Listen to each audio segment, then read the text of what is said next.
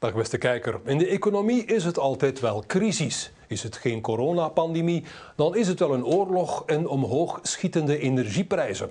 Ook vandaag is er hoogspanning met de problemen in de bankensector. Weer eens de bankensector. De man die sinds de coronacrisis tot vandaag voorzitter was van werkgeversfederatie VBO en zo een goed zicht had op de woelige economie, is vandaag onze studiogast. Met hem blikken we terug en ook vooruit. Bart de Smet, welkom. Ja, in de bankensector hangt er weer eens een crisissfeer. Wat dacht u toen u de eerste nieuwsberichten hoorde over de run on the bank bij het Californische Silicon Valley Bank? Dacht u, hier gaan we weer met de banken? Nee, dat dacht ik niet direct aan, maar het is wel opnieuw een issue van liquiditeit, hè, meer dan solvabiliteit. Ja. En uh, door het zeer precieze cliënteel en karakter van die SVB-bank en dan later het, het uh, issue van Credit Suisse die totaal gescheiden zijn van elkaar. Ja. Uh, had ik niet de indruk dat dat een, uh, een wereldwijde crisis zou worden zoals in 2008. U hebt er vertrouwen in dat de banken en ook de Europese banken vandaag sterker zijn? De les is geleerd? Wel, als zeggen, na de crisis in, in 2008 is er enorm gewerkt aan versterking van de kapitaalbuffers van de banken. Ja. Het toezicht is ook enorm toegenomen.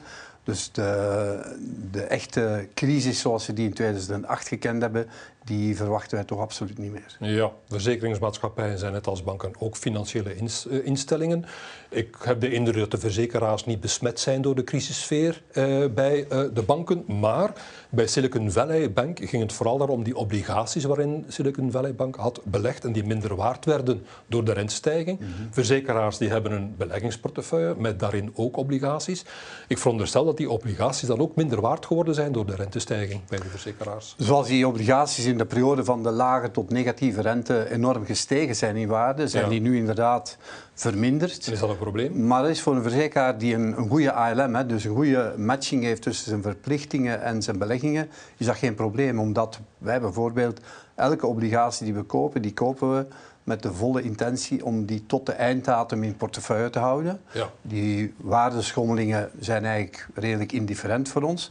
En op de einddatum krijgen wij die verwachte waarde terug. Het enige risico dat je als verzekeraar met obligaties hebt, is dat die obligaties zouden afgeschreven worden of dat daar een, een, een, een, faling zou zijn. Maar die tussentijdse minwaarden, die moet u wel laten passeren blijkbaar via uw eigen vermogen. We hebben daar een tabel over. Over het eigen vermogen uh, van Ageas was 11,9 miljard eind 2021. Was gezakt uh, naar 7,6 miljard eind, eind 2022. Daling met 36 procent. Maar dat lag dus aan die minwaarden op de obligatieportefeuille door die gestegen rente. Hè? Dus eh, langs de ene kant had je een jaar terug meerwaarde op je portefeuille. Ja, en nu zijn die minwaarden. Nu hebben we minwaarde. Het is die delta die die 36% ja. uitmaakt. Ja. ja. en het kan weer omkeren, want dat zijn eigenlijk niet gerealiseerde minwaarden, papieren minwaarden. Zo.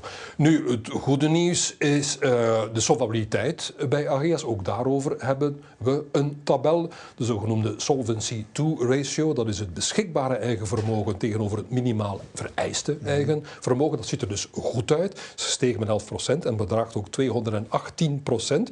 Andere woorden, het beschikbare eigen vermogen van Ageas is meer dan dubbel zo groot als vereist. En die stijging ligt ook weer aan de gestegen rente blijkbaar. Absoluut, omdat je ook langs de kant van je verplichtingen uh, een impact hebt hè, van die rente. Ja, het komt erop neer, geloof ik, dat dus de huidige waarde van die toekomstige verplichtingen van AGS tegenover levensverzekeraars, dat die vandaag minder uh, wegen doorwegen in de boekhouding door de gestegen rente, de verdiscontering. Dus gedaald eigen vermogen weliswaar, uh, maar meer dan solvabel genoeg. De voorzitter van AGS die slaapt goed. Voor die, uh, voor die aspecten slaap ik zeer goed. Ja, andere aspecten niet misschien, meneer Smet? Oh, ik ben net uh, grootvader geworden en dus af en toe uh, heb ik kleinkinderen op bezoek en die, die houden mij al eens wakker. Proficiat. Nu nog dit, meneer De Smet. AGS heeft geen referentieaandeelhouder, gevolg regelmatig overnamepogingen en geruchten. Kan u formeel bevestigen, AGS staat niet te koop? Wat ons betreft staat AGS niet te koop, maar we leven natuurlijk in een wereld waar je enorm veel cash hebt. En uh, ik heb dat uh, in het verleden ook al gezegd, de, zelfs de grootste verzekeraar in de wereld die is overneembaar hè, als, ja. er, uh, als er iemand die intentie heeft. Maar we hebben absoluut de bedoeling om een Belgische headquarters hebben van een internationale groep die een heel belangrijke activiteit heeft in België, maar ook in, in 13 andere landen. Ja, nu trouwens, de Belgische overheid heeft via de holding FPIN uh, meer dan 6%, participatie van meer dan 6% AGEAS. Dat is waarschijnlijk wel om eventuele overnemers te ontmoedigen.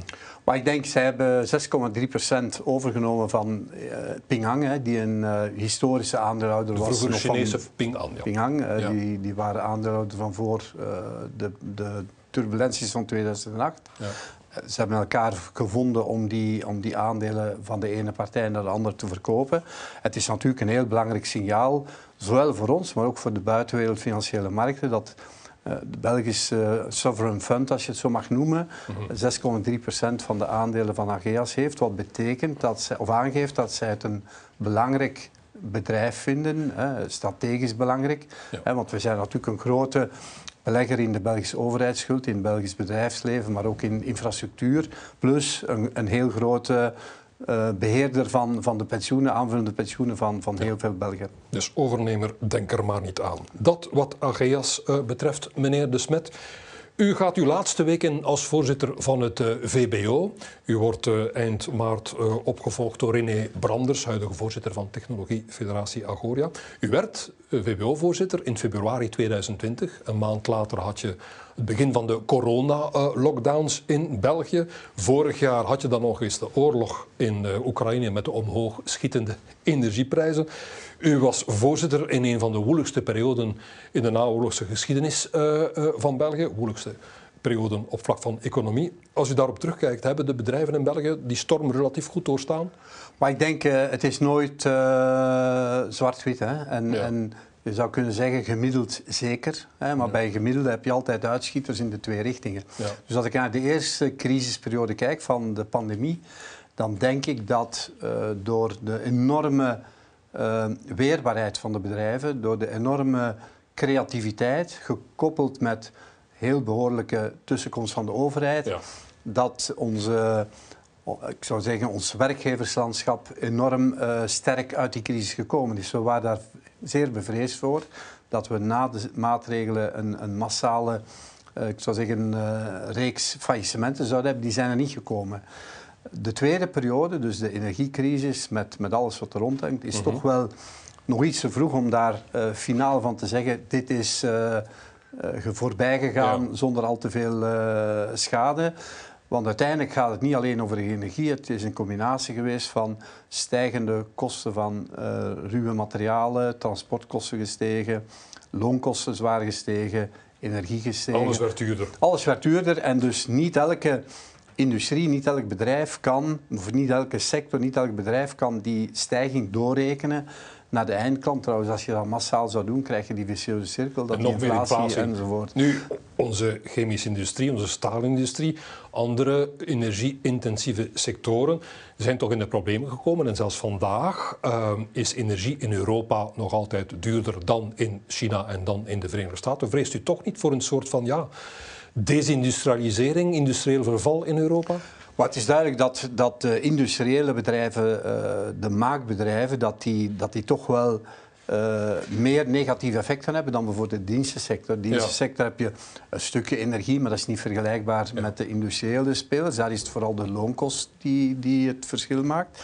Maar die, in die andere sectoren en vooral die dan die exporteren naar omliggende landen of, of verdere landen, is het uh, quasi onmogelijk om die stijging door te rekenen. Met als gevolg dat je ofwel uh, heel veel marge moet opgeven, in sommige gevallen heel je marge.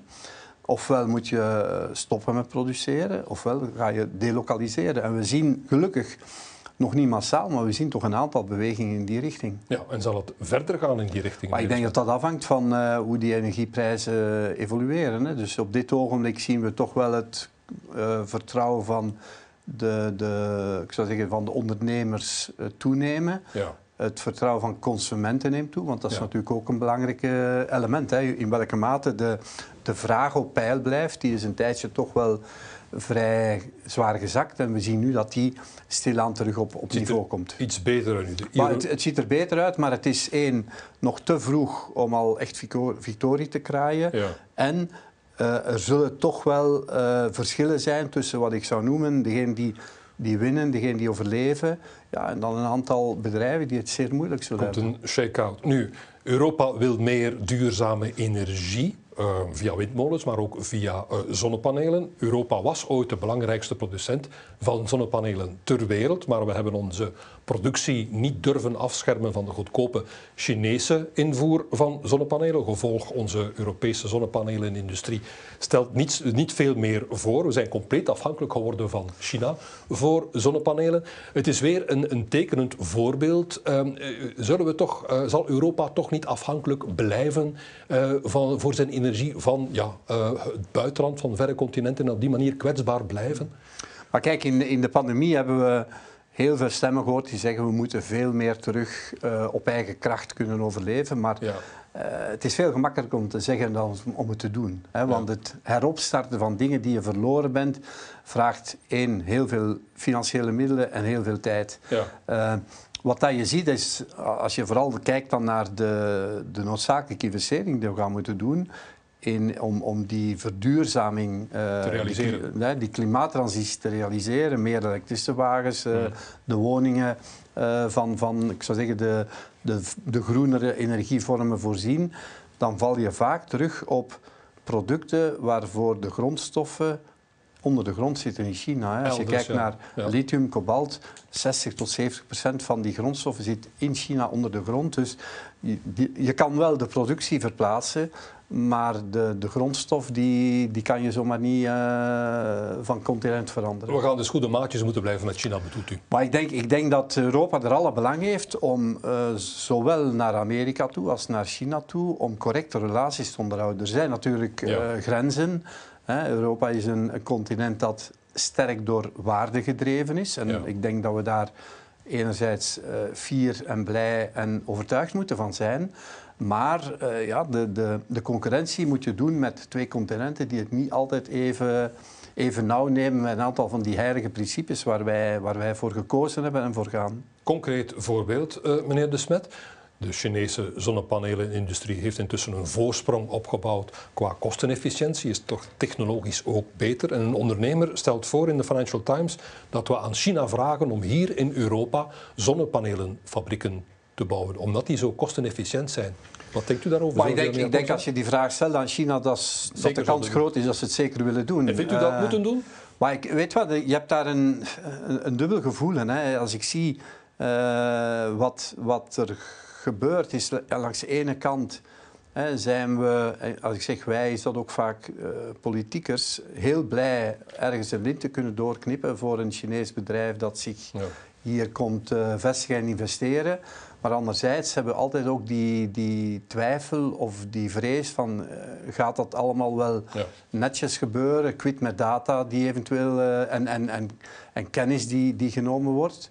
Eh, ik vind dat we daar misschien soms iets minder kritisch zijn naar wat Amerika doet in Europa. Ja. Maar eh, ja, dat is een, dat is een stukje eh, politieke keuze ook. Hè.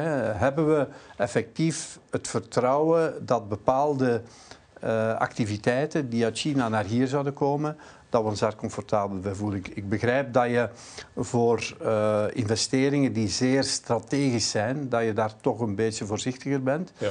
Maar in dit geval eh, zou ik zeggen, als dit kan helpen, ja, eh, why not? Wordt uw houding tegenover China toch niet een beetje beïnvloed, meneer eh, De Smet, omdat Ageas toch een belangrijk deel van zijn premie-inkomsten uit China haalt? Maar laat zeggen, het, het beïnvloedt ja, maar misschien ook beïnvloedt omdat wij toch een redelijk goed zicht hebben over hoe, hoe dat, dat land en, en, en die mensen daar... U kent het land. We kennen het land en wij kennen... Ja. hè, onze partner is een, een overheidsbedrijf, hè, dus Ja. die, die ook vol... dat is zo. Eh, waar de topposities ingenomen door, door mensen van de partij. Ja. We werken nu meer dan twintig jaar met hen. We hebben eh, vandaag meer uit China terug kunnen halen dan we ooit in geïnvesteerd hebben. Dus Ja. op dat punt is die balans eh, positief. En we hebben eigenlijk in die 22 jaar, want het is intussen 22 jaar, Ja. geen enkel moment gehad waar wij uh, twijfel hadden rond, rond de goede bedoeling van onze partner. We zijn natuurlijk geen bedrijf die daar hoge technologie gaat ontwikkelen. geen gevoelige uh, sector. Voilà, alles wat data betreft is, is volledig afgescheiden. Hè. Er zijn geen linken tussen informatica-systemen enzovoort. Dus wat dat betreft hebben wij geen, geen slechte ervaringen. En opnieuw, ik denk dat de les nu geleerd zou moeten zijn dat je moet zorgen dat je nooit van één enkele partij afhankelijk bent, maar dat je gewoon uh, relaties probeert te houden met, met al diegenen die bepaalde competenties hebben die wij niet hebben. Ja, maar door die geopolitieke rivaliteit tussen de, Verenigde, tussen de Verenigde Staten en China vreest u toch niet dat bedrijven meer en meer zullen gedwongen zijn om te kiezen? Een goed voorbeeld is het uh, Nederlandse ASML, producent van machines om uh, halfgeleiders te maken. Onder druk van de Verenigde Staten hebben zij hun export naar China moeten beperken. Hè? Wat ja, maar de, de vraag is daar of dat wij in Europa uh, ik zou zeggen, de, de lakij van, van de Verenigde Staten willen zijn. Ik denk dat dat ook een, een bestemming is die Europa niet moet zoeken. Ja. We zijn vandaag zeker afhankelijk van de Verenigde Staten op militair vlak. Mm -hmm. En, en oké, dat heeft ons historisch ook, uh, is dat goed uitgekomen. Maar laten we toch niet denken dat dat enkel is uit bekommernis om Europa. Daar spelen ook zeer veel uh, lokale Amerikaanse belangen mee. Europa moet zijn eigen weg uitstippelen. Europa moet zijn eigen weg uitstippelen en, en volgens mij uh, correcte relaties onderhouden met, met alle partners. Maar natuurlijk, als er wat nu in Rusland gebeurt, dat kan je, dat kan je natuurlijk op geen enkel moment aanvaarden. Dan is het ook logisch dat je daar sancties tegen uitspreekt. Een heel ander probleem voor onze bedrijven, meneer met beschikbare werknemers vinden. Door de vergrijzing wordt de arbeidsmarktkrapte ja, wellicht structureel. Is het eh, daar ook al een beetje te laat zoals met die energie? Of kunnen we het nog redden met activerende maatregelen van de vele, vele Belgen op arbeidsleeftijd die niet actief zijn? Maar ik denk, energie, het is niet, het is niet hopeloos. Hè. Ik denk dat er heel veel uh, in, initiatieven zijn om, om naar toch meer duurzame energie te gaan. Maar dan moeten we wel ook een aantal, ja, een aantal bottlenecks. Hè. Zoals zodra je ergens iets wil doen in ons mhm. land, heb je wel een comité dat daar tegen is. Hè. Dus ik vind dat een beetje ja, een, een, gebrek van collectieve verantwoordelijkheid. Hè. Uh, uh, naar arbeidskrachten is het zo dat we, ja, we hebben nog altijd wel bijna 30% van de actieve bevolking die, die niet actief is. Ja. En daar zitten mensen tussen die het niet kunnen, hè, fysiek of, of psychisch. Mm -hmm. Maar er zijn ook een aantal mensen bij die volgens mij moeten te activeren zijn. En als je de, de oplossing voor onze begrotingsproblemen en onze staatsfinanciën. Hè, we spreken heel, veel, heel vaak, ook de huidige regering, over die activiteitsgraad optrekken naar 80 procent. Ja. Uh, dat is nodig, want dan heb je uiteraard uh, heel wat meer mensen die sociale bijdragen betalen, belastingen betalen. En je hebt minder mensen die mm -hmm. uitkeringsgerechtigd zijn. Maar het tweede luik waar ik vind we te weinig de aandacht op trekken, is het verminderen van de overheidsuitgaven. Ja. Vandaag hebben wij ongeveer 54% van het bruto binnenlands product aan overheidsuitgaven. In Nederland is dat 41%. En waar moet dat geknipt worden? Maar ik denk, ik denk als je eh, eerst hè, als je van die 54 naar, naar 50 gaat, dat is 4% op ongeveer 600 miljoen, hè, rondaf uh, ja. bruto binnenlands product. Dat is 24 miljard, dat is ongeveer het tekort dat we nu hebben. Ja. Dus met 4% vermindering zou je eigenlijk bijna een begroting in evenwicht hebben. Ja. En dat is een combinatie, hè, door, door wat ik zei, meer mensen actief, dan heb je minder uitkeringen, dat is een eerste besparing. En dan moet je er toch wel een aantal, ik zou zeggen, heilige huisjes durven hervormen. Ja. Oké, okay, er is een, zijn ideeën rond de uh, pensioenhervorming, hervorming in de, in de, uh, de ziekenhuissector, in het onderwijs. Dus ik denk dat we een aantal... En, en last but not least natuurlijk onze structuren die ook een, een, een complexiteit hebben. De, eh, die, de overheidsstructuren bedoelt u? Overheidsstructuren die misschien wel justifiëren waarom we niet moeten durven te hopen te gaan naar het Nederlands niveau. Eh, dus, maar als je al van 54 naar 50 kan gaan... Ja dan heb je al een, een behoorlijke weg afgelegd. U verwees al naar de pensioenhervorming, of toch de pogingen uh, uh, om de pensioenen te hervormen. Dus er sprake van een, er is ook een belastingshervorming die op tafel ligt, sprake van een arbeidsdeal. Zal deze federale regering nog het verschil kunnen maken voor de verkiezingen van volgend jaar, meneer De Smet? Maar ik zie, ik zie bij, bij onze premier een, een, een absolute wil om op die drie uh, in die drie domeinen vooruitgang te, te boeken. Ja. We weten natuurlijk dat er ja, dit is een regering met, met ja, partners, zeven partners die andere accenten leggen, ook ideologisch verschillen. Ja. Waardoor ik denk dat je in geen een van die drie domeinen echt baanbrekende uh, hervormingen zal zien. En daarvoor is één, uh, ja, zijn de ideologische verschillen te toch te groot, maar ook heb je een, een, te korte periode naar de volgende verkiezingen. Ehm, U hebt er geen, geen al te veel hopen meer in maar ik denk, ik denk dat echt hopen op, op die structurele veranderingen die plots gaan maken dat we hè, die vooruitzichten van naar die verlaagde overheidsuitgaven, uh, verhoogde werkzaamheidsgraad, dat dat binnen de, de, ik zou zeggen, ligt misschien binnen de ambities van deze regering, maar binnen de mogelijkheden om daar een akkoord over te krijgen, denk ik uh, dat ik daar een, een, een lage waarschijnlijkheid aan geef. En het is niet eenvoudig, hè, laat dat duidelijk zijn. Stel dat een buitenlandse investeerder aan u zou vragen, meneer De Smet, is België een goed land om te investeren? Wat zou u dan antwoorden? Maar ik, ik, ben, ik zou zeker uh, een positief, positieve boodschap willen geven. Er zijn heel wat dingen die beter kunnen, hè, dat is zo. Maar oké, okay, uh, in, in andere landen heb je dan andere accenten. Uh mhm. -huh. Ik denk een van de zaken waar wij uh, enorm in, in, sterk in staan, dat is onze, onze, onze brains. Hè, onze... Ja zou zeggen, onze sterk punt zit afhankelijk van hè, ergens op 1,70 meter, 1,75 meter gemiddeld boven, boven de grond. Uh -huh.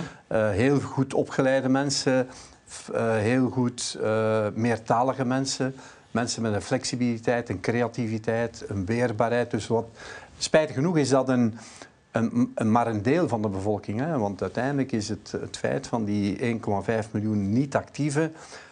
ik ben ervan overtuigd dat daar nog heel veel talent in zit die meer zou kunnen uh, bijdragen in, in, groei dan wat we vandaag zien. U zou ook kunnen zeggen, meneer Smet, dat het voor ondernemers te goed is in België om te ondernemen, want er is te weinig concurrentie.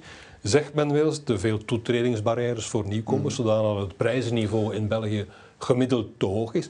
Zegt niet ik, zegt het prijzenobservatorium van de FOD-economie. Er is te weinig concurrentie in de bouwmaterialensector, in de telecommunicatiesector goederenvervoer en autovervoer. Er is gewoon te weinig concurrentie in België. Nee, dus met... Maar weet wat, uh, als, ik, als ik naar andere landen ga, dan, uh, dan zie ik inderdaad dat je daar lagere prijzen hebt. Maar je hebt daar ook meestal uh, lagere lonen en lagere, ja. lagere kosten voor huisvesting en, en mindere sociale voorzieningen. Als ik zie hoe toegankelijk ons onderwijs is, en, en er zijn nog altijd mensen waarvoor het een nog te grote barrière is, maar dat je hier bij manier van spreken, voor 1000 euro een universitaire carrière, eh, opleiding kan volgen. Als ik zie hoeveel eh, Belgen toch eh, na hun pensionering in het buitenland gaan wonen, in Spanje, Italië, Portugal, Frankrijk. Maar als het erop aankomt om medisch verzorgd te zijn, komen we toch allemaal graag terug naar België. Allemaal, dus goed, het goed, is... goed. maar u, het wijkt toch een beetje de vraag, is er nu te weinig concurrentie bij de bedrijven? Ja, ik zou zeggen, ik, ik, kijk naar mijn eigen sector. Ik kan, uh, kan u verzekeren dat daar heel veel concurrentie is. Ja. Dat is toch nog goed. En ik zie, ja. je, je, je, ziet nu het, uh, het verhaal van de, dat in de media uh, toch wel aanwezig is rond de distributie, hè, de grootwarenhuizen. Ja. Je kunt zeggen, ja, ik kan over de grens kan ik, uh, goedkoper gaan kopen, maar kijk eens naar die loonkosten, die is 16% hoger. Dus je moet ook soms ja, de, de, het, het sociale zekerheidsmodel dat we hebben, heeft ook zijn consequenties op de prijzen. U verwees er al even aan, belangrijke les even naar. Belangrijke les uit de coronaperiode was ook voor dat we voor veel te veel producten blijkbaar te afhankelijk zijn van verre continenten. Ik sprak al over de zonnepanelen, maar eh, halfgeleiders, eh, eigen batterijen. We moeten meer onze eigen uh, halfgeleiders produceren. We moeten meer onze eigen hmm. batterijen produceren enzovoort. Maar zal zo'n Europees duplicaat uit de grond stampen van die wereldwijde uh, productieketens, zal dat niet vooral veel geld kosten, meneer De Smet? Dat zal zeker veel geld kosten. Ja. Ehm, dus die deglobalisering is nog niet zo'n miraculeuze oplossing. Het zal veel geld kosten en het zal ook een vraag zijn waar gaan we dit soort uh, fabrieken kunnen bouwen. Ja. Uh, waar je één een, de voldoende ruimte moet voor hebben, want er zijn zeer grote oppervlaktes nodig. Ja. En waar ook vaak de privé-speler die daarin wil investeren, van de lokale overheid zal vragen om een, een, een deel van die investering voor, voor zich te nemen. En dat is ook uh, in sommige landen, ja, België is daar ook bij, met een redelijk hoge overheidsschuld geen, geen eenvoudige oplossing. Maar wat moet ons antwoord dan zijn op die Amerikaanse Inflation Reduction Act met 369 miljard dollar aan subsidies voor de vergroening van de industrie? Subsidies waarmee de Verenigde Staten ook Europese bedrijven lokt. Hè. De Europese Unie antwoordde al met versoepeling van staatssteunregels, met de Net Zero Industry Act, die investeringen in groene technologie wil bevorderen. Maar Ilham Kadri, CEO van het Belgische chemische bedrijf Solvay, u wel bekend, die heeft al in de Financial Times gezegd dat de Europese Net Zero Industry Act totaal niet kan concurreren met de voordelen en de eenvoud van het Amerikaanse Inflation Reduction Act. Mm Maar weet wat, uh, wat ik ga zeggen kan misschien wat provocatief zijn, hè, maar men heeft die IRA in Amerika, uh, ik zou zeggen, gepromoot als zijnde de vergroening, maar in feite is het een, uh, een heel duidelijk initiatief van, van steun aan lokale bedrijven die daar produceren. En je hebt bijvoorbeeld een aantal Duitse bedrijven die ook activiteiten in, in de US die zeggen, weet wat, we gaan een deel van onze productie naar Ginder eh, verschuiven, want we krijgen daar grote subsidies. Ja. Dus dat kan je als Europa een aantal dingen doen. Je kan zeggen, we, gaan, we kopiëren dat en we doen hetzelfde. Ja. Uh, ik, ik, hoor zelfs uh, binnen de industriële bedrijven mensen zeggen, dat moeten we niet doen. anderzijds is het wel zo, en dat is een beetje wat we nu proberen te doen, dat misschien de, de regels rond staatssteun uh, zeer streng zijn in Europa en dat je daar een versoepeling moet opgeven. Ja, die worden versoepeld blijkbaar. Uh, dat is eigenlijk de, de, reactie. En we gaan zien hoe dat, dat, uh, hoe zich dat uitspeelt.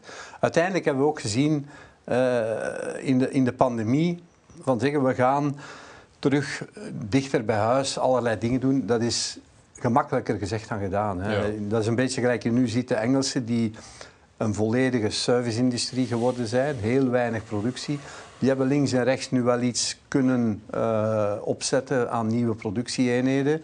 Maar die hangen in heel grote mate, bijvoorbeeld voor voeding, hangen zij volledig af van, van Europa. En dat ga je niet zomaar op 1, 2, 3 terug opbouwen.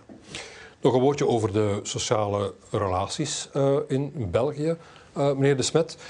De toestand bij de lijzen zit blijkbaar uh, muurvast. Nu gaat, uh, of heeft de PS een wetsvoorstel ingediend om bedrijven die zich spitsen in kleinere zelfstandige entiteiten toch te zien als één groot bedrijf, waardoor dus vakbondsvertegenwoordiging mogelijk is en ook betere lonen. Wat denkt u van dat voorstel? Maar eerst en vooral als je los van een, als je enerzijds een, een groot bedrijf hebt met eigen winkels en eigen personeel. En daarnaast heb je een netwerk van zelfstandigen die weliswaar misschien dezelfde producten eh, van dezelfde groep afnemen. Ja, dan, dan zie ik niet in hoe dat je morgen kan aan al die zelfstandigen zeggen, we gaan jullie nu zien als één bedrijfseenheid. Want die hebben hun eigen strategie, die hebben hun eigen politiek. Dus ik vind dit een, een zeer gevaarlijke evolutie, eerlijk gezegd. Ja, u bent daar tegen. Nu, hoe zou u die situatie oplossen als u een bemiddelaar was bij de lijzen?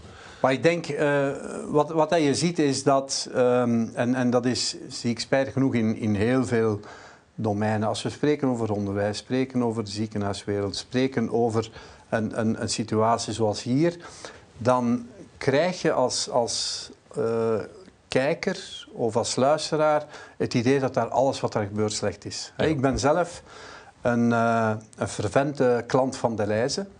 Ik heb twee Deleuze's waar ik ga. De ene is een Deleuze met, hè, die, die tot die 128 of 126 behoort. Mhm. De andere is een Deleuze van een zelfstandige, van iemand die vijf Deleuze's heeft. Ik kan u verzekeren, ik ga vijf keer zo graag naar die zelfstandige. Waarom? Veel vriendelijker personeel, mensen zijn gedienstig. Terwijl in de andere voel je een soort, ja, een soort verkris, ver, uh, crispy uh, gevoel van wij worden hier slecht behandeld. En wellicht zijn de voorwaarden in die zelfstandige de lijzen, uh, ik zeg niet dat die slechter zijn, maar die zijn misschien soepeler dan, dan de grote. En opnieuw, ik, ga, ik blijf naar de twee gaan, omdat ik ook in die andere uh, mijn, mijn babbel heb met de kassierster, met de mensen in de, in de kaaswinkel enzovoort. En ik vind dat wel een, altijd plezant om een beetje de voeten op de grond te houden. Maar dus ik vind, we leven in een land waar je vrij mag ondernemen laat uh, iedereen volgens zijn, uh, volgens zijn uh, ik zou zeggen, keuze ondernemen in dit land. Ten slotte, meneer De Smet, nog deze vraag. U bent dus grootvader. Zullen uw kleinkinderen het later even goed hebben als u nu vandaag? Ik hoop het in elk geval. Uh, maar ik ben wel op een aantal zaken uh, wat bekommerd. Eén is heel die impact van die klimaatverandering, die toch wel exponentieel uh, lijkt toe te nemen. Ja. Daarnaast een beetje zorg dat men te weinig zich in de diepte en de breedte informeert. Hè. Alles is nogal voorgepakt.